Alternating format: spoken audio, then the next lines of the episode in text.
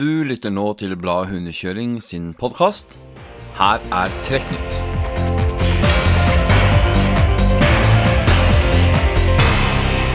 Hei og hjertelig velkommen skal du være til en ny utgave av Trekknytt. Knut Sandersen heter jeg og skal være svært som vanlig gjennom denne sendingen. I dag så skal vi innom tema som EM i Italia. Vi skal innom Finnmarksløpet, og vi skal innom Iditarod. Så vi har mer enn nok å snakke om. Og det er jo en herlig tid på året for oss alle sammen. Jeg minner om at du kan høre på denne sendingen både på Soundcloud og på iTunes, i tillegg til at du da kan høre den på våre nettsider. Og igjen, tusen takk til alle dere som abonnerer på bladet, enten både nettutgave og magasin, eller bare magasin eller bare nett.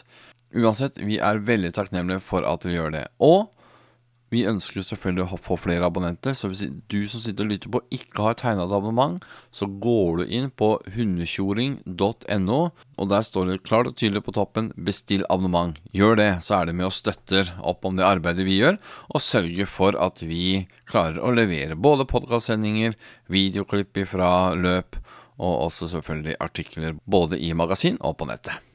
Da skal vi straks eh, kalle inn den første gjesten vår, nemlig generalsekretæren i Norges Hundekjørerforbund, Lotte Frid Fladeby.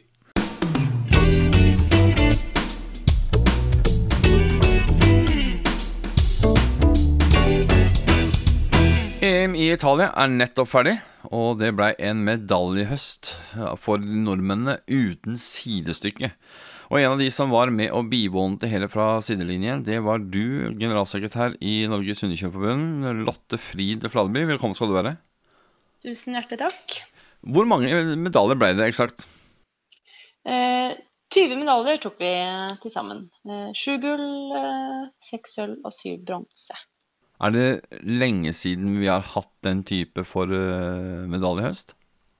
Det er lenge siden vi har hatt så mange deltakere med og hatt så mange medaljer, ja. Vi tok nok en del medaljer eh, under EM som vi hadde på Savallen i 2016. Nå er ikke det konkrete tallet i hodet, men eh, ja, det var kjempegøy. Men tvil, altså, Nordmenn markerer seg veldig i denne sporten her sånn. Overrasker det deg? Hundekjøring på snø og hundekjøring i de grenene som ble arrangert i EM, som da var nordisk stil, Eh, sprint og mellomdistanse er jo og særlig nordisk stil er jo en gren som kommer fra Norden, og hvor Norge har vært sterke i alle, alle år. Så hadde vi jo bare med eh, spann i firspann. Vi hadde ikke noen andre større spann med. Men i firspann så har vi tradisjonelt også gjort det veldig bra. Så det var ikke noe sånn kjempeoverraskelse over at vi leverte resultater nå. Men eh, vi eh, blir jo pusta i nakken av andre nasjoner, så man skal ikke ta noen seire for gitt, altså. Nei, for, for, det så vi jo i flere klasser. Annet tsjekkerne eh, hevder, hevder seg ganske bra. Ja, tsjekkerne har alltid vært med i mesterskap og alltid kjempa i toppen. Men jeg syns de har kommet vanvittig sterkt eh, de siste årene. Vi had, konkurrerte ganske tett med de under VM i Canada i fjor vinter. Og på barmark eh, på, i VM i Polen i høst var de også veldig høyt oppe med flere medaljer. Så vi forventa jo at eh, Tsjekkia kom til å være noen sterke konkurrenter under EM også, og det var det jo. Men hvor mange uh, var som var med i årets EM? Sånn cirka regna ut så er det 160 deltakere, da. Unike deltakere. Og de er, var 25 norske? Ja, 25 norske. Så det var 19 nasjoner totalt. Hvordan har utviklinga vært i den grenen her, da, internasjonalt, de siste årene? Er det færre deltakere, eller er det flere? I nordisk stil så syns jeg egentlig at årets deltakelse var eh, bra i seniorklassen. Eh, dessverre ganske få deltakere i juniorklassene, og herrer junior ble ikke avholdt i det hele tatt. Men eh, antall seniorer syns jeg var bra. Eh, det har nok vært en, eh, en dropp eh, i antall deltakere over lang tid, men så tror jeg det har jevna seg ut de siste fem årene, da. For det har vært annerledes i barmark. Der er det økende deltakelse? Der har det vært økende deltakelse. Og der har det, det har vært i rekordfart også.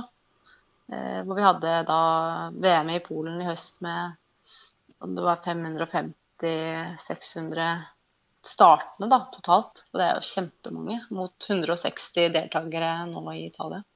Vi skal gå litt inn på sjølve arrangementet som var i Italia. Vi har jo skrevet om det, at det var mye kaos og rot.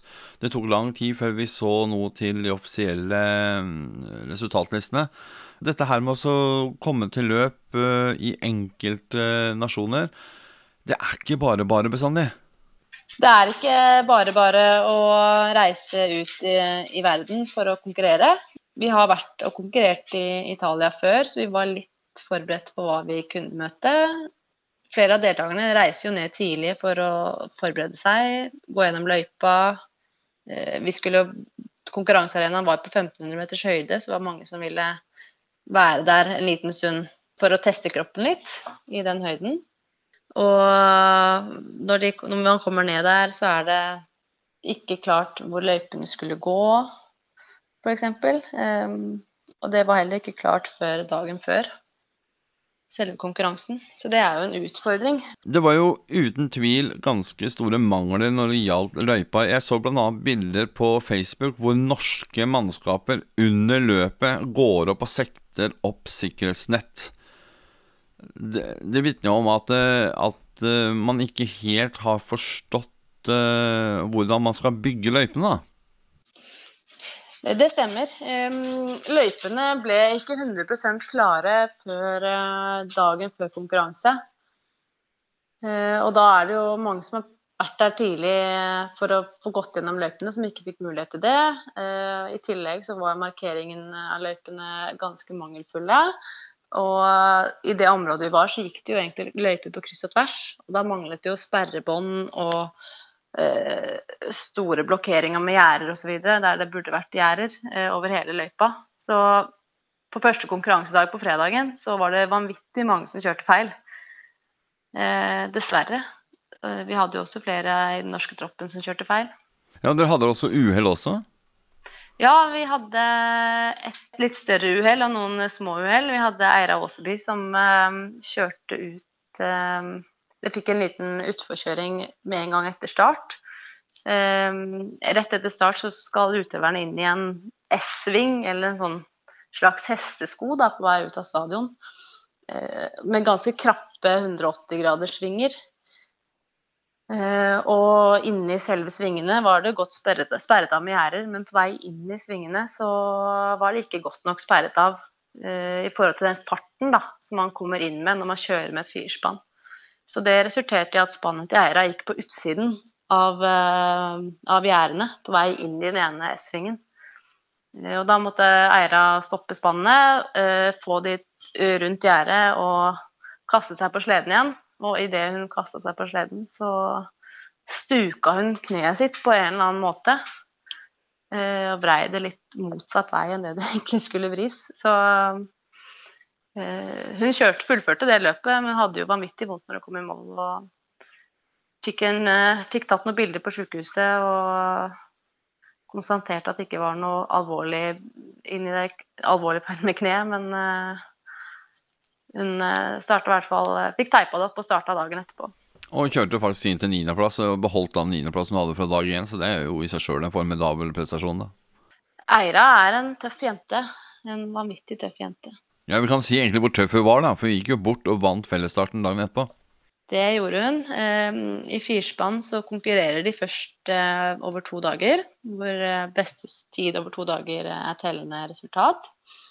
Og på dag tre så er det da den berømte fellesstarten.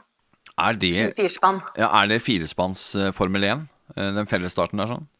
Ja, det vil jeg si. Den er ganske heftig. Ehm, vanvittig kul å se på. Og, for de som kjører den, så sier de at det er noe av det morsomste de gjør, da. Men den er også litt eh, Du skal være litt eh, på alerten og litt på vakt, for det, det er mye som skjer, da, i en fellesstart. Um, og der var um, Eira Hun sto da i første rekke på denne fellesstarten. Det var tre rekker. Og Eira ble plassert i første rekke, for hun vant um, hun vant EM på Savalen i firspann fellesstart i 2016. Så da fikk hun plass i første rekke.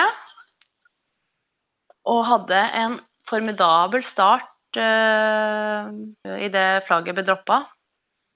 Så hun fikk jo kjemperent løp og lå foran sammen med André Borgsen Hillestad hele veien. Og uh, han kjørte litt fra henne de siste, i de siste bakkene ned mot stadion.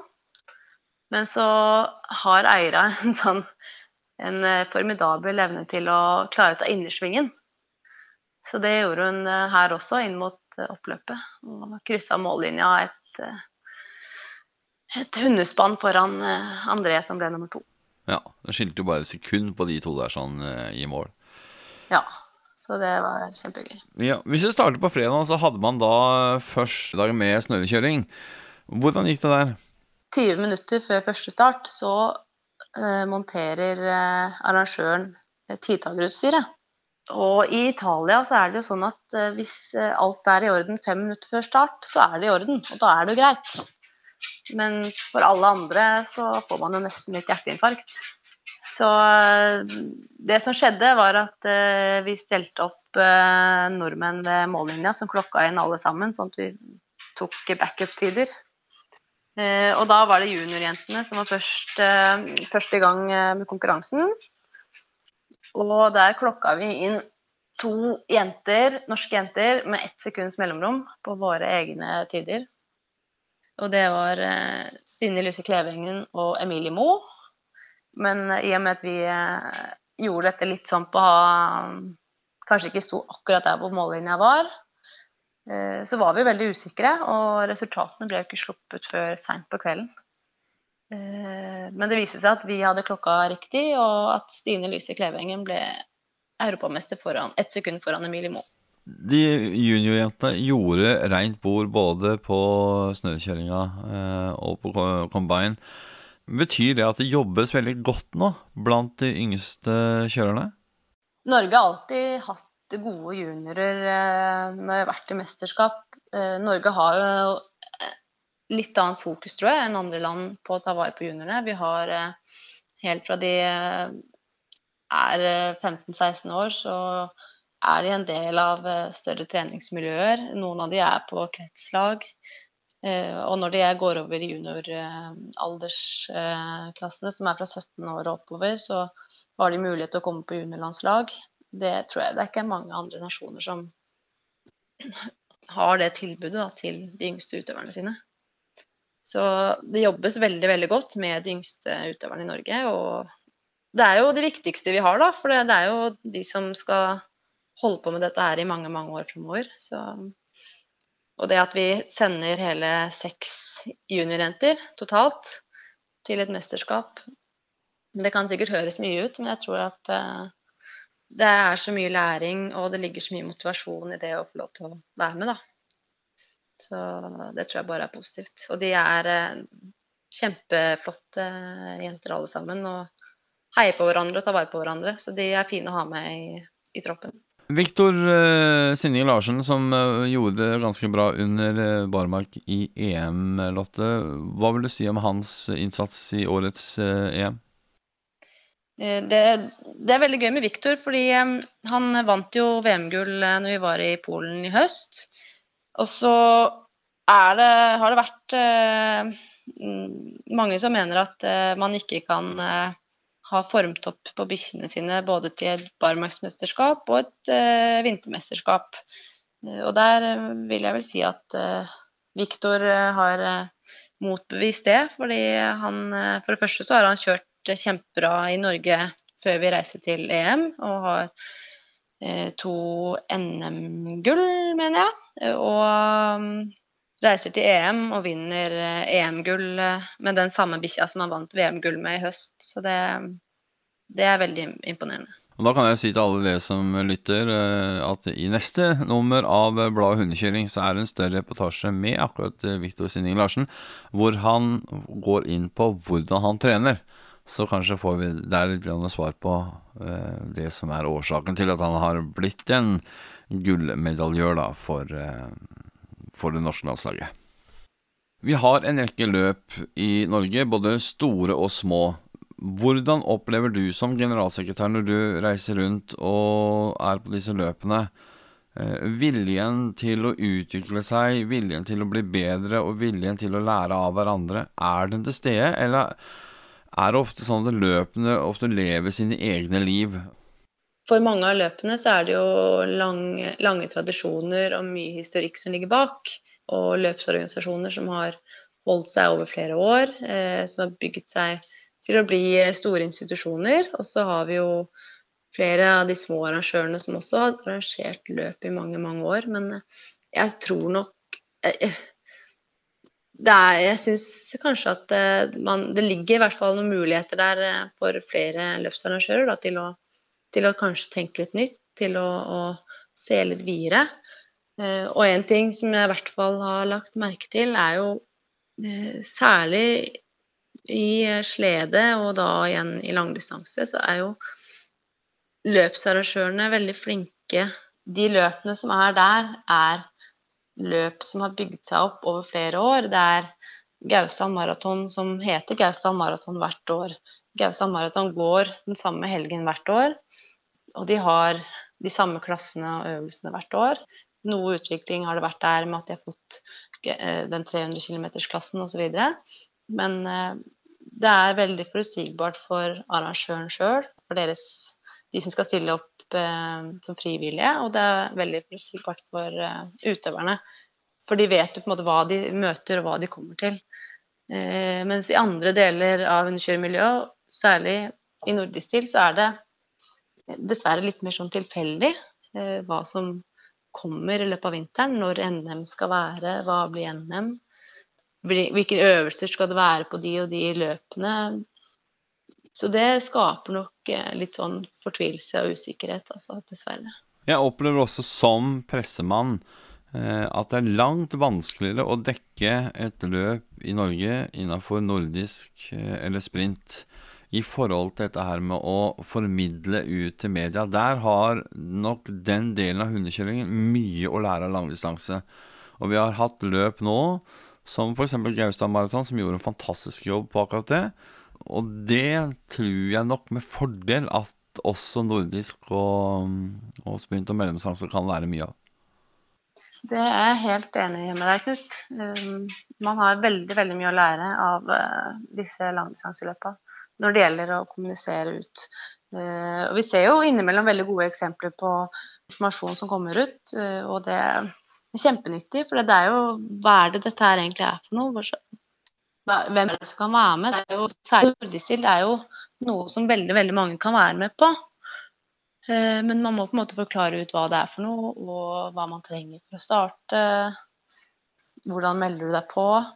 Helt sånn enkle ting som kunne gjort at uh, man i hvert fall i forkant kan få flere påmeldte, og underveis kan forklare hva som skjer. Uh, og det å, bare det å ta bilder og legge ut, det å ta noen filmer og legge ut som utøverne, deltakerne kan dele videre i etterkant, og andre kan se hva dette her egentlig er for noe. Da. Det er uten tvil at uh, hvis man skal snakke og tenke rekruttering, så har jo både nordisk og sprint spesielt da, en unik mulighet i med at der holder det med at du har én til to hunder, så kan du være med. Altså det ja. å rekruttere inn i langdistanse, hvor du da er om mot åtte til tolv hunder, det er et helt annet lerret å bleke. Ja, det er uh, helt riktig. Og det, det, er jo sånn litt paradoks. Det er jo kjempemarkedsføring for norsk hundekjøring. Eh, at uh, særlig langdistanse er så mye i media.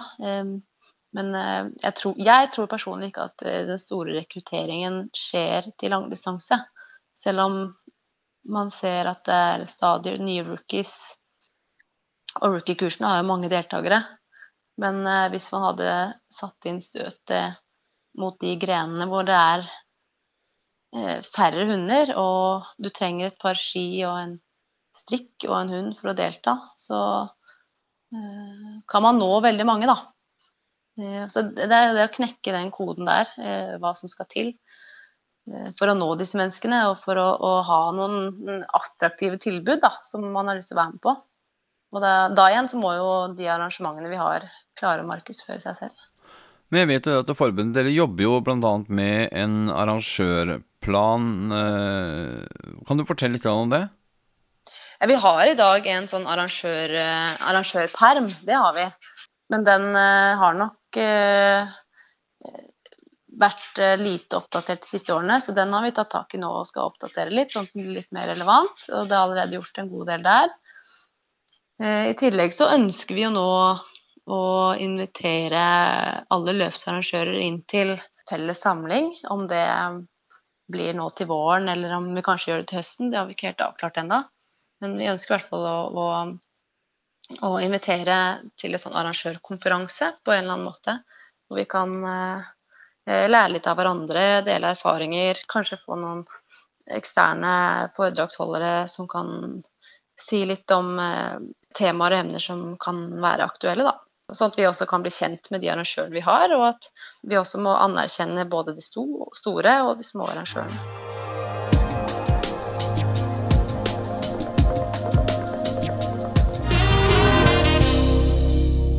Vi har nettopp snakket med Lotte Fladeby, som da er generalsekretær i Norges Hundekjøreforbund. Hun nevnte Eira Åseby spesielt. Og nettopp Eira har jeg med meg på telefon nå. Først av alt, Eira, gratulerer med gullet. Jo, tusen takk. Vi skal snakke om gulløpet ditt, det skal vi gjøre, og hvordan du opplevde det. Men vi kan ikke komme unna den åpninga du hadde, for den var ikke noe spesielt bra. Nei, den eh, ja, var veldig uheldig med den kom eh, første svingen, og så kjørte jeg ut og tok kneet idet jeg skulle hoppe på sleden igjen. Så mista spannet, men det fikk heldigvis sto mamma i neste sving, så jeg fikk stoppa det der. Så fikk jeg hjelp til å halte meg bort til det, og ble ja, omtrent eh, lempa på sleden igjen og tut og kjør. Så jeg kom meg gjennom, men eh, jeg ble en sykehustur etterpå for å ta røntgen og litt sånn av kneet. Og det, heldigvis så ble det konstatert eh, ikke noe alvorlig skade, som gjorde at du da stilte opp eh, i løpet dagen etterpå, for dette her er jo da firespann individuelt. Da hadde du en niendeplass fra første dag, og den niendeplassen den klarte du da å beholde. Den klarte jeg å beholde. Jeg tror bikkjene merka at jeg ikke var helt, uh, helt, med på den dag nummer to, for da ble det litt mer sånn at jeg uh, kjørte bare for å komme meg gjennom uh, og få en litt grei følelse igjen. Så da, det var veldig varmt, så bikkjene gikk ikke sånn kjempebra den dagen. Så ja, jeg tror de merka litt humøret mitt òg. Men var du da veldig klar for å gå ut og forsvare tittelen din i firespann fellesstart? Jeg var veldig klar, ja. Det, man får litt sånn forventningspress eh, når du allerede har vunnet den to år på rad. Så er jo, veit jeg at eh, bikkjene var veldig gode. Så jeg var veldig klar for å få litt revansje i og med at det gikk så dårlig de, den første dagen. Men grunnen til at det gikk dårlig, det er kanskje det som er litt interessant å gå inn på her, for det var arrangørsvikt? Ja. Vi fikk jo ikke vite hvor løypa gikk før eh, Egentlig så var jeg ikke helt sikker før jeg hadde kjørt løpet den første dagen, faktisk. Og vi hadde fått, var noen som snakka om at løypa skulle gå ut fra stadion at den ikke skulle var noen veldig krappe svinger. Det var der jeg kjørte ut. Og det var mange som snakka om at de svingene skulle vi ikke ha med, fordi de var veldig krappe. Så hendte vel at uh, vi hadde trent på en litt annen vei. Men jeg hadde bevisst prøvd å ikke kjøre samme runde hver dag vi trente, fordi at bikkjen ikke skulle få den vanen av å ja, gå den veien, i og med at vi ikke visste løypene. Uh, og vi fikk vite veldig lite. Og det var dårlig merka, var dårlig sperra. Så det var veldig Ja, det legger mye stress på kjøreren. Men det er ikke første gang, ja, det ikke første gang at dere opplever det her sånn i internasjonale løp? Nei, det er en gjenganger. Det, I år var det klart verre enn andre år. Men uh, eh, bl.a. i fjor i Canada, så vi fikk for så vidt vite at hvor vi skulle gå i Canada i fjor, men eh, løypene var ikke preparert eller noe sånne ting før vi når vi, da vi gikk gjennom og starta. Og, eh, da også var, det jo, var jeg litt uheldig på stafetten hvor jeg krasja et tre, og det treet skulle heller ikke vært der. Så det er å oppleve det før òg, at vi ikke får gått gjennom løypene når vi skal. At vi ikke får kjørt hundene gjennom og trent. Uh, mye sånne ting som gjør at vi ikke får forberedt oss på en riktig måte som vi skulle ønske. Men da er da går en sånn fandens advokat til meg, og så sier jeg at det burde ikke da være sånn at man hadde en fast arena hvor man avholdt disse mesterskapene. Men selvfølgelig det blir jo kjedelig å komme tilbake til samme arena hver eneste gang og skal kjøre. Det, er ikke noe, det blir ikke så moro, liksom. Jeg syns det er veldig morsomt å kunne reise rundt og Du ser jo steder du normalt ikke ville reist, altså sett hvis du bare skal på sydentur, f.eks. For, eksempel. for det blir jo dratt opp i fjellandsbyer oppe i Italia. så du ser mye sånn annet. Men uh, det hadde vært kjedelig hvis alt gikk på samme hele tiden. Men samtidig så Kanskje det hadde vært bedre hvis man hadde at det var tilrettelagt for å arrangere løp, og at det ikke blei så mye jobb på bl.a. racemarshalen i år, da, som fikk en hel haug å gjøre når han kom. Og det er jo ikke sånn det skal være. Nei, ikke sant. Men uansett, det ble gull i, eh, i fellesstarten. Det løpet vil jeg gjerne at du forteller meg om. Ja, fikk jo kjempebra start. Bikkjene var veldig på hugget. Og pappa fulgte veldig med på når det flagget gikk ned. Og jeg også så at i det flagget gikk, så slapp pappa bikkjene. Og da hadde jeg ikke noen linekryss heldigvis i starten, så jeg kunne bare kjøre rett ut. Og allerede første meterne så jeg jo, var jeg jo først ut. Og lå først ut hele veien. André, kom, André Boysen kom opp på siden av meg, og så kjørte vi sammen og kjørte fra de andre. Og det var jeg veldig glad for, for jeg snudde meg noen ganger og så når vi var toppen av den ene bakken, så hørte jeg masse roping og så egentlig bare en stor mølje nedi bakken. Så øh, kjørte sammen André hele veien, og vi fikk jo veldig veldig fint løp. Bikkjene altså, lite tull og ikke mye roping og bråking. og altså, Bikkjene kunne virkelig få gjøre jobben sin. da. Og ja, lite tull generelt. Og så bytta vi på å ligge litt foran, så vi tapte aldri noe fart til de som kom bakfra. Så det var jo veldig fint Ja, egentlig når vi kom Det var en veldig krapp sving, så jeg tenkte at André er litt bedre når det kommer til sånn teknisk å kjøre svinger og sånn. Så han kjørte først der. Og da når vi kom ned på stadion, så var jeg noen meter bak. Men samtidig så visste jeg at bikkjene Det var veldig inn mot mål, så var det veldig mye folk, veldig tett. Så jeg visste at de syntes det var litt ekkelt. De hadde syntes det vært litt ekkelt de dagene før. Uh, så jeg tenkte at jeg uh, heller bare ligge bak og vente, så kan jeg heller snike meg forbi når bikkjene har fått litt drag inn mot mål. Og det klarte jeg jo veldig bra. For inn på oppløpet så fikk jeg veldig god fart, og bikkjene kom på siden av bikkjene til André, og da fikk de liksom draget, så det gjorde at jeg fikk, hadde høyest fart akkurat innover målstreken, da. Men hvordan var det å ha en uh, førsteårs senior uh, som du kjørte sammen med? Det var jo imponerende innsats av André også? Det var veldig imponerende. Jeg tenkte på det når jeg kjørte baken.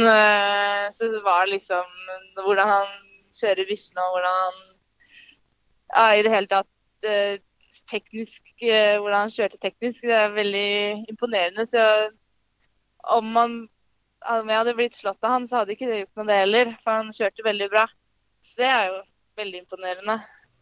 Så han eh, var en av de som imponerte deg under årets eh, EM. Var det andre av de norske utøverne som du lot deg imponere av? Ja, altså Beatrice kjørte jo Gatti. Hun Beatrice Gatti kjørte jo også veldig bra. Uh, hun visste jeg for så vidt kom til å kjøre veldig fort, og det visste jeg jo med André òg. Når vi kjørte NM-sprint, så var jo de oppe i toppen. Men uh, Ylva Legård også imponerte meg veldig, Og jeg sier Kjørte veldig på stafetten sånn. Kjørte veldig bra. Ja. Det er kult at uh, det var morsomt for dem òg at de klarer å hevde seg litt. Når det er ikke bare bare å komme opp. Nei, og så er det moro at det der eh, de yngre kommer opp da, og tar hele tida nye steg. Og ikke minst sånn som André Boysen Nilsen han har jo vel lenge visst har, har vært god, men at han da også hevder seg såpass godt på seniornivå også, er jo veldig moro. Det er det. Det er jo mye sånn Man må jo passe på å ikke miste huet, og det er jo fort gjort hvis man I hvert fall jeg blir jo fort litt uh, veldig nervøs før jeg skal starte, og fort gjort å da miste huet litt. Så at man da klarer å holde det og kjøre så bra, det er jo veldig gøy, det. Du sa til meg før vi uh, gikk i studio at du uh, ikke har noe flere løp, at dine hovedløp er, er, gjort så langt i år. Men du skal være med på et morsomt et oppe på Sjusjøen? Ja, skal jeg være med på snørock. Litt Jeg har bytta med Ola i år. Jeg skal kjøre langdistanseløp. Det Ja. Både grugleder meg litt til å bli litt sliten. Trøtt. Og så blir det veldig Det blir gøy. Ja, Det ble moro å se Ola Brennholm kjøre sprint, da.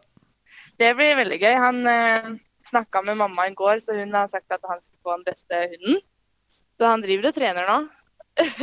ok, så det kan bli, det kan bli artig å, å, se på Ola, altså? Det kan bli veldig gøy å se på han. Mm. Det er noe man får med seg. Ja. Men Ola Brennvold skal jo også være med på um, Finnmarksløpet i år, og der skal vel du også opp? Ja. Og da er du handler? Jeg er handler. Gleder meg veldig til det òg. Det blir kjempegøy. Det blir første gang for meg å være med. Så det tror jeg kan bli veldig spennende i år. Ja, hva tror du? da? Jeg tror han kan kjøre veldig bra. Han er litt nervøs selv akkurat nå. Men uh, jeg tror det kan bli tett om plassene. Ja. Og så er det veldig spennende med han eh, Dallas Seavey som kommer òg. Se hvor fort han kjører.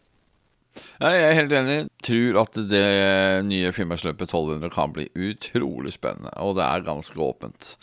Så det kommer an på hvor godt har Dallas fått forberedt seg. Han er jo kjent for det. Han er jo viden kjent for at han går gjennom løypene, han kjører opp løypene, han besikter dem. Det spørs da hvor mye han har fått gjort i, foran dette løpet her. Tusen takk for innsatsen du gjorde for oss under EM. Og så ønsker vi selvfølgelig å se deg i eh, både VM og EM framover. Og at du da selvfølgelig beholder den firespanns fellesstartstrøya lenge. ja, vi får se. Håper det, jeg òg.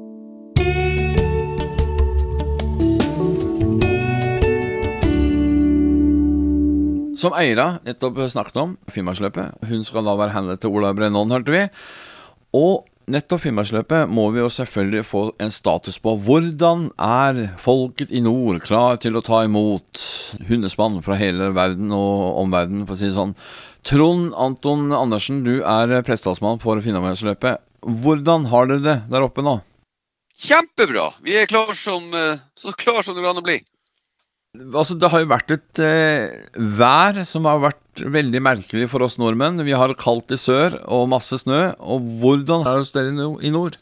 Ja, Værmeldinga for de siste to månedene har vært grusomt enkel. Den har vært eh, kaldt og vind fra sør og sørøst. Punktum. Det er nesten så enkelt det kan sies. I går fikk vi plutselig litt mildvær, og jeg har fått litt sånn litt våtere 10-15 cm våt sne som har lagt seg litt oppå nå. Så eh, det er veldig, veldig bra. Eh, sånn føremessig så, så, er det veldig, veldig bra. Men man ønsker jo egentlig ikke at det skal være så hardt eh, å berede for så stor fart. Man ønsker jo og håper jo gjerne at det, er, at det ikke går altfor fort i starten. Men det er noe sånn det er nå ikke vi som bestemmer det været, men, eh, men, akkurat nå tror jeg vi kan påstå at det ser veldig greit ut. Det som eh, også har gjort det litt greier for oss, er at vi ikke har trengt å legge så mye om pga. overvann og åpne farvann og sånn. Alt har jo spekk i seg nå. Det, er, det har vært sjeldent lenge kaldt. Det knytter seg veldig stor spenning til årets, spesielt 1200 i med at uh, dere har lagt om traseen. Det har veldig mange som har meldt seg på det løpet, og mange store navn. Hvordan opplever du interessen rundt uh, Finnmarksløpet i år kontra i fjor, f.eks.? Opplever jo, det, opplever jo at det snakkes mer om, eh, om årsutgaven enn på flere år. Det, gjør, det, må vi si, det gjør vi absolutt. Det er ikke riktig som du sier at, at det er så mange flere påmeldte i åpen klasse. Det er faktisk eh, omtrent som normalt. Eh, til og med litt under. Eh, vi har jo vært oppe i over 50 deltakere i den lengste klassen. Det var nok vanskelig å håndtere så mange spann. Så Når nå ligger rundt 40, så er det kanskje et veldig greit tall. Men som du sa, som jeg er helt enig i, at det har aldri vært et sterkere startfelt i, eh, i åpen klasse. Det er rimelig mange som kan gå av med seieren. Så absolutt. Jeg, jeg tror aldri jeg har sett et så sterkt startfelt. I tillegg så er det jo selvfølgelig det at eh, om Kautokeino kommer inn, også for 500-klassen. 500-klassen er det bra med deltakere nå, oppunder 80. Også der er det mange som kan vinne. Det er en del spenning rundt eh, at man skal dra sørover og så tilbake mot Kautokeino igjen. Så, så, derfor har det vært mye prat om det. Også det at vi har to starter. At vi har brutt en lang lang, lang tradisjon med å alltid ha alle startene på lørdag, så har vi nå faktisk vært nødt til å dele de to. Ja, pga. distansen, selvfølgelig. Ja, vi er nødt til å ha 1200-klassen i og med at de skal kjøre 150 km lenger. Så må vi ha dem inn eh, vi må få dem ut litt tidligere, sånn at vi får dem inn omtrent til samme tid. Det er selvfølgelig vær og føre, men vi, vi, kan ikke begynne å gå inn i neste uke for, for de fleste. Vi må prøve å få alle fleste inn til banketten på lørdagskvelden. Når du ser på den påmeldingslista som du har da foran deg, på, spesielt på 1200, som det naturligvis da rent sånn pressemessig er størst interesse rundt, jeg er ikke helt enig i det bestandig. Jeg syns at 500 er like stor prestasjon å vinne det. Men allikevel, hvis vi ser på 1200 eh, Det er lenge siden jeg har sett et så spekka liste med potensielle folk som kan hevde seg helt i toppen. Nei, det er det. Det er, det er, det er mange måneder og soler som har pekt i riktig retning eh, denne gangen. Og jeg håper jo også det er for litt for at vi, vi lager et bra løp. Eh, et spennende løp. Og selvfølgelig når vi også da til og med får en av de beste fra USA år som skal konkurrere mot våre beste kvinner og menn, så, så blir det gøy. Eh, vi kan få svensk seier, vi kan få amerikansk seier, vi kan selvfølgelig få norsk seier. Hva med 500? I 500 så tror jeg det at herr Tunheim, som kjører sitt eh, for å fullføre for 21. gang Harald Tunheim tror jeg de fleste skal få store utfordringer med å slå. Det er jeg for så vidt enig med deg. Hva med Elisabeth, da? Nei, selvfølgelig. Elisabeth er jo Nå har jo Elisabeth kjørt uh, lite i, uh, i, år, så jeg vet ikke så mye. Men, men, uh, men det spannet til Tunem er, er, veldig godt. Og han har tatt denne omstillinga nå fra åpenklassespann til, til et sånn et godt spann på de mellom, mellom, distanse, for å si det sånn. Så Elisabeth alltid Tunheim er veldig bra. Snakka akkurat med Ronny Wingren, som ofte som de siste årene også har hevda seg bra. Og han, hadde, han så spannet til uh, Tunheim borte på uh, Bergebyløp, og han var mektig imponert. Han den, han mente at det der, var, det der kommer til å bli vrient å slå. Det var ikke Tune som kjørte, da, men det ble kuska av en annen fra Øytun, Så uh, ja, det, det er selvfølgelig også andre som kan komme med der. Nå er det jo vinnerspannet fra Femundløpet til Fredrik Vestli med Alexander Torgersen. har jo etterpåmeldt seg og er med. Eh, så har vi jo da nevnt eh, Elisabeth Edland, vi har Ronny Wingren, og så har vi Milo Skonda, som har bare to starter. Brøyt sist gang, men varmt gangen før han starta. Så har vi jo Jimmy Petterson, som er lynsnabb fra Sverige. va? Eh, han må vi kunne ha som en liten outsider. Og så er det én til som jeg setter sånn lite utropstegn av de her eh, av rookiene. Eh, og det er en kar som heter Jiri Vondrak. Jeg uttaler sikkert ikke navnet riktig det skrives med en del sånne tødler. Vi snakker en del tødler her. Jiri Vondrak, ja, fra Tsjekkia. Han, eh, har, eh, han, har, gjort det bra. Han har eh, vunnet Le Grande Odyssée to ganger, senest i 2017. Ja, det har du helt rett i. Og det er mange faktisk som har pekt på han som en mulig kandidat eh, på, på 500, altså. Ja, ja, jeg tror det. I, tillegg så er det flere. Det er absolutt flere. Og det som er litt gøy med 500-klassen, at det kan være noen som har kanskje ligget rundt sånn 10., 15., 20., og så har den bare smukk få det til å, det til å klaffe skikkelig. Så eh, veldig spennende klasse. Og de skal kjøre eh, ikke mindre enn 560 km. Det er jo det som er gøy. Det er gøy. Jeg, jeg bruker å skrive flere når jeg kommer med mine liksom, betraktninger om, om, hvem som skal gjøre det bra og ikke. Så sier jeg det er alltid, uh, det er alltid artig å bli litt overraska og, og, få en sånn nesestyver som sier at hva, no, han, han, eller hun hadde ikke du sett. Det er gøy. Og så er det også litt gøy da, hvis man klarer å tippe rett. Apropos dette med å tippe rett. Vi vet at det er veldig mange som, som sitter rundt og tipper og følger med løpende og er sofamushere eller table-mushere. Blir det åpen tilgang til GPS-trackingen og K2 hos dere? Ja. Punktum. Og selvfølgelig, vi i Bladet Hundekjøring vi skal dekke løpet så godt vi kan også. Nå som jeg først har kommet med i programmet, her, så syns jeg Nå har vi snakket om 1200, vi snakket om 500, men jeg har jo et uh, ganske sånn varmt hjertebarn i juniorklassen også. Ja, absolutt. Kjør på. Ja, eh, Det som er litt gøy der, er at per nå har ikke fått eh, Vi har fikk én avmelding, dessverre, men vi står altså nå med 17 juniorer. For det første er jo det et rekordantall startende i den klassen. Vi som har sagt mange ganger før, I Finnmarksløpet så har vi ikke en sånn vi har ikke en sånn drivkraft for at vi skal ha det løpet med flest deltakere. Men det er jo artig når vi har gode startfelt. Og i juniorklassen så vi, har vi tålt vi har tålt å ha flere deltakere. Og det er jo forholdsvis nytt. Starta i 2014. Da hadde vi fire. og så Året etter var vi vel oppe i ni, så var vi nede i sju, og så var det 14. Veldig bra i fjor. Og nå har vi altså 17. Tallet er 17. Still alle dem til start, så er det det største juniorløpet som er blitt arrangert i Norge. Eh, og her er det også selvfølgelig veldig veldig åpent eh, hvem som kan vinne. Vi har jo vinnerspannet fra Femundløpet, Iver Kolstad, selveste. Eh, vi vet også at vi har en liten kar fra Alta som heter Jan Tore Olsen, som er svært gira. Så har vi de her som går på Tana videregående skole, som da nesten er nærmest som profesjonelle hundekjørere.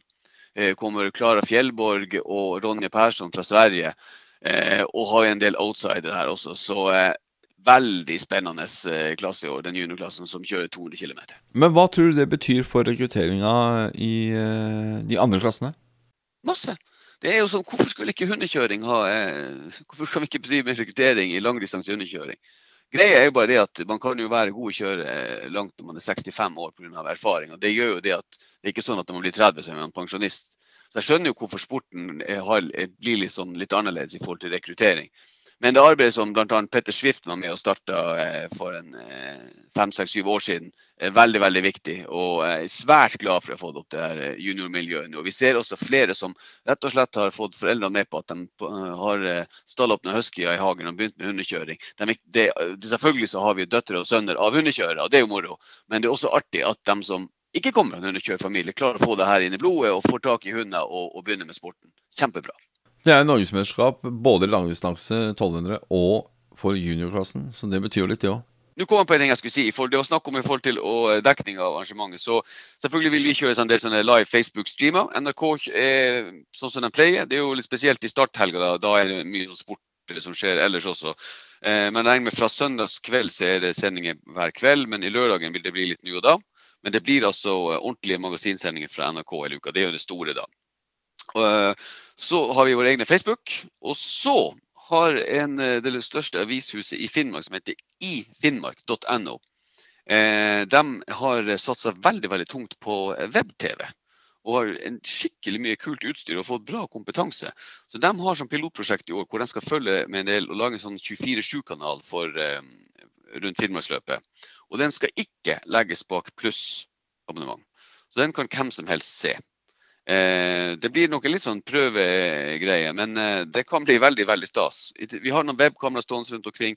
Så jeg håper det at skal du kalle dem, table mushers, sofamushers, at de skal ha mye tilgang. Og dere er med for fullt, og, og en del andre også. Så, så, er det ingen grunn til å sove denne uka når det starter fra 9.3. Det er ikke noen grunn til å sove.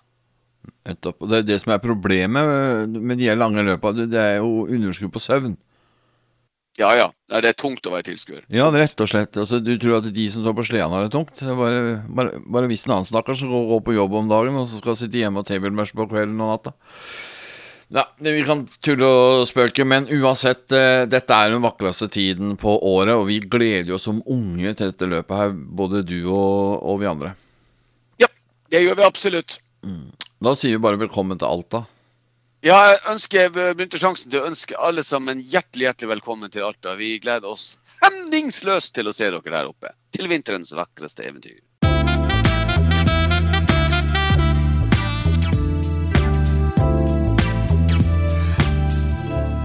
Da skal vi over til Eliterådet. Og en av de som skal være med der sånn, er da Joar Leifseth Ulsom. Han har vi nevnt mange ganger i sendingene våre, og det er ikke så rart. Han er absolutt en av de største profilene vi har i det store løpet der borte. Nå er det ikke så lenge igjen til start, og eh, Roar, du er med oss nå på Skype fra USA og er i full gang selvfølgelig med oppkjøringa mot starten eh, i Anchorage. Kan ikke du fortelle litt om oppladninga til løpet? Ja, det har vært eh, Vi hadde en ganske grei vinter, og treninga har gått veldig bra. Vi fikk snø i, i normal tid. og egentlig har fått, fått gjort unna en, eh, en, veldig grei treningssesong. og kjørt mye samme opplegget som, som jeg har brukt og gjort, som er noe jeg vet fungerer ganske bra. Så vi har vært litt reising hit og dit. og kjørt på litt, litt forskjellige spor og forhold. og nå De siste dagene har det jo bare vært finjustering og en langtur, og nå er det bare små, små turer før løpestart. Du hadde jo en fantastisk flott eh, gjennomføring av eh, Kursklokvim 300, som endte med en annenplass. Du sa sjøl da at du var litt overraska over at du fikk så bra plassering? Ja, det var jo eh, Jeg satt igjen mange av hovedhundene her hjemme bare for at jeg ikke hadde lyst til å ta dem ut på et sånt løp når jeg vet at det er dårlig forhold med is og sånn. og vi ikke få noen skader på noen viktige hunder. Så jeg tok mange av de unge hundene jeg har for å, for å finne ut hvordan hunder kunne være med på Iditarospannet. Så med den, med den, harde konkurransen og så mange gode spann som var der, så, så hadde jeg blitt kjempeglad hvis jeg kommet på mellom 15. og 10.-plass, kan du si, med, med de toppspannene som var der. Men det var jo vanskelige forhold, og, og hundene mine takla det veldig bra, så jeg var, var veldig fornøyd med det. Hva tenker du selv om dine egne muligheter i år? Nei, så muligheter for å, for å vinne i ditt tenkte jeg på kanskje, men uh, Nei, de er jo helt klart til stede. Jeg har et, et veldig bra hundespann, men jeg vet også at det er veldig mange andre her som har trent steinhardt og satsa alt og har gode hundespann, så det blir jo en, en hard konkurranse. Men det er jo sånn så alltid at hvis, hvis ting går din vei og du og du gjør de rette tingene underveis i hele løpet, så, så er det jo en mulighet for å, å, vinne. Er det så intenst det løpet at du har ikke råd til å gjøre feil underveis? Nei, det var ikke sånn som det kjøres nå, så, så kan du ikke gjøre mye feil for at du du henger etter. Det er ikke, det er ikke så mye som skal til nå. og bare det hvis du, hvis du kjører en etappe, hvis du kjører litt for langt eller hvis du feil, feilvurderer distansen til neste sjekkpunkt, eller at du har tunge forhold. og Det er vanvittig mye, mye ting å tenke på. Nå må gjøre justere litt, justere litt underveis i løpet. Ja. Det er jo det som, det som, er vanskelig å skille ut dem, dem som har mye erfaring mot dem som ikke har det. ja. Du har jo vært med en stund nå i dette sirkuset her, sånn, og du har jo hele tida markert deg i toppen. Det har vært ganske store uroligheter rundt sjølve i Ditarod, spesielt i år. Du har Dallas Seaway og den saken der. Eh, også uro internt i organisasjonen, og ikke minst at det har vært mye påtrykk mot løpet fra bl.a. PETA. da. Hvordan opplever du det som kjører? Merker du noe til den viraken her i det hele tatt? Ja, det har vært veldig mye styr i år i, siden dopinggreiene kom ut. Og, og, det er jo ikke noe artig å ha, ha noe sånt hengende over løpet. og Det har vært mye styr. Vi, vi, har vært på mange møter og prøvd å finne ut av ting. Og, så det har ikke vært akkurat noe positivt for løpet. Men forhåpentligvis så kommer de tilbake igjen, og, og vi, kan, vi kan glemme det. Er det sånn at eh, miljøet nå ønsker mer eller mindre å bare legge det her bak seg og gå videre? Jeg tror det er veldig, veldig blanda følelser. Noen vil ha det opp i lyset, og noen har bare lyst til at det skal I hvert fall nå når vi er kommet så tett på løpet, så har de ikke lyst til å, å krangle noe om det akkurat nå, men at vi ellers skal gå tilbake etter løpet og, og finne ut av ting. Iditarod har jo uten tvil betydd mye for deg. Eh, kommer vi til å, at du kommer til å ta en Seaway du også et år, og at du ser deg på et eh, norsk løp igjen? Ja, klart jeg har kjempelyst til å å komme til Norge og kjøre løp igjen, det har vært kjempeartig. Det er jo, begynner å bli veldig lenge siden jeg har kjørt, kjørt et løp der, så, så, det kunne jeg godt ha tenkt meg til. Men det er jo vanskelig å, å, reise vanskelig for folk å reise fra Norge og kjøre rytterråd og, og samme veien andre veien. Så, så det er ikke så enkelt hvis man ikke Ja, det er jo mye mindre økonomi i løpet av Norge, og man har ikke noen mulighet til å, å tjene inn noe av utgiftene, nesten. Så, så det er vel kanskje den største forskjellen, da. Ja, det, Du har vel eh, mye rett i det. Men det hadde i hvert fall vært veldig moro å se deg på norsk eh, jord igjen en eller annen gang, da. Det tror jeg nok. Kanskje, ja. du har ikke reist opp til Anchorage ennå, du? Nei, jeg er hjemme her i Willow. Så vi kjører ned til Anchorage i morgen tidlig på møter og banketter forskjellig. Og så blir det showstart på, på, lørdag i Anchorage, og så får jeg sove i, i senga mi natt til søndag. Og så er det noen kilometer ned til starten her, så det er veldig fint. Denne her showstarten i Anchorage, eh, er du en av de som liker den, eller er du en av de som ikke liker den? Nei, jeg syns det er kjempegreier. Det er klart det er mye media og sånn og alt det der, og mye folk, men eh, selve den eh, turen gjennom, gjennom Anchorage den er veldig fin. og Nesten hvert år så står det norsk orkester og spiller nasjonalsangen. og Det er mye norsk flagg og mange norsker som bor i Anchorage. og, og veldig god stemning langs hele turen, så det har bestandig vært kjempeartig. I en tidligere sending hadde vi besøk av journalist Ben Mattison, og han tippa litt hvem som kunne hevde seg i toppen. Ditt råtips eh, nå rett før start? Hvem blir vi å se i topp fem? Nei, jeg tror det blir en del av det samme som vi så i fjor. Klart han, han Sivi blir jo knallsterk, og jeg tror han, han Wade Mars og kanskje Ali Circle og Pete Kaiser og Nick Petit. og Det blir nok mange av de samme spannene. òg. og kanskje noen som kommer og. Det tror jeg på at det er noen som har et, et bra spann som vi ikke, ikke vet om som kommer. Som kan hevde seg. Vi satser på at et av de spanna som ligger helt i toppen, da selvfølgelig har det norske flagget på, på brystet. Det hadde vært litt ekstra moro. Det hadde vært litt artig.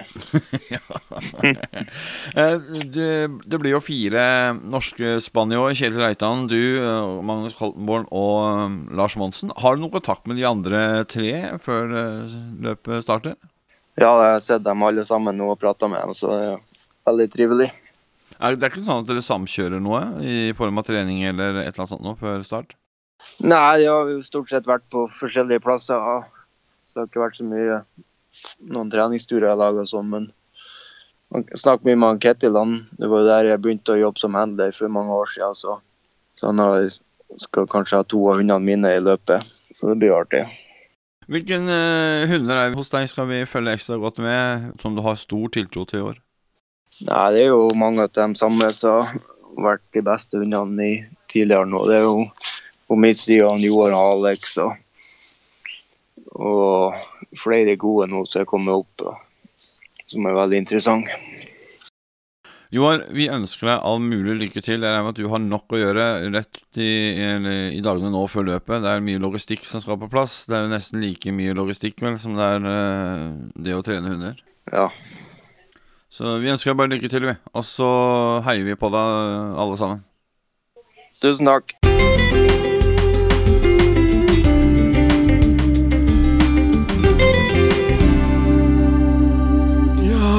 Peder der. Jeg skulle bare si tusen takk for i dag. Hans Andersen han måtte på toalettet her, så jeg skulle bare ramse opp, sa han, alle løpene som starter nå. Og vi starter jo da i selveste Uniten oppe i Alasken der, så er det jo i ditt råd starter jo allerede nå til helgen. Så det blir store greier. Og så har vi da videre senere i uken er Norway Trail som starter på Leddingen. Det er også et utrolig spennende løp som skal gå over flere dager, til og med. Gud a meg. Og så har vi da selveste Finnmarksløpet. Selveste Finnmarksløpet! Jeg var med der, der, der, der Det var vel aldeles ikke. Men jeg kunne ha vært med. Så gammel er jeg. Altså, den niende er det bare å sette seg til foran i Finnmark. Følge med her på hundekjøring, og følge med på alle sosiale kanaler. Da braker det løs der oppe i nord. Gud, jeg skal bli så festet, så. Men nå må jeg se om jeg kan finne kaffedropsene mine igjen. Ja, så takk for nå.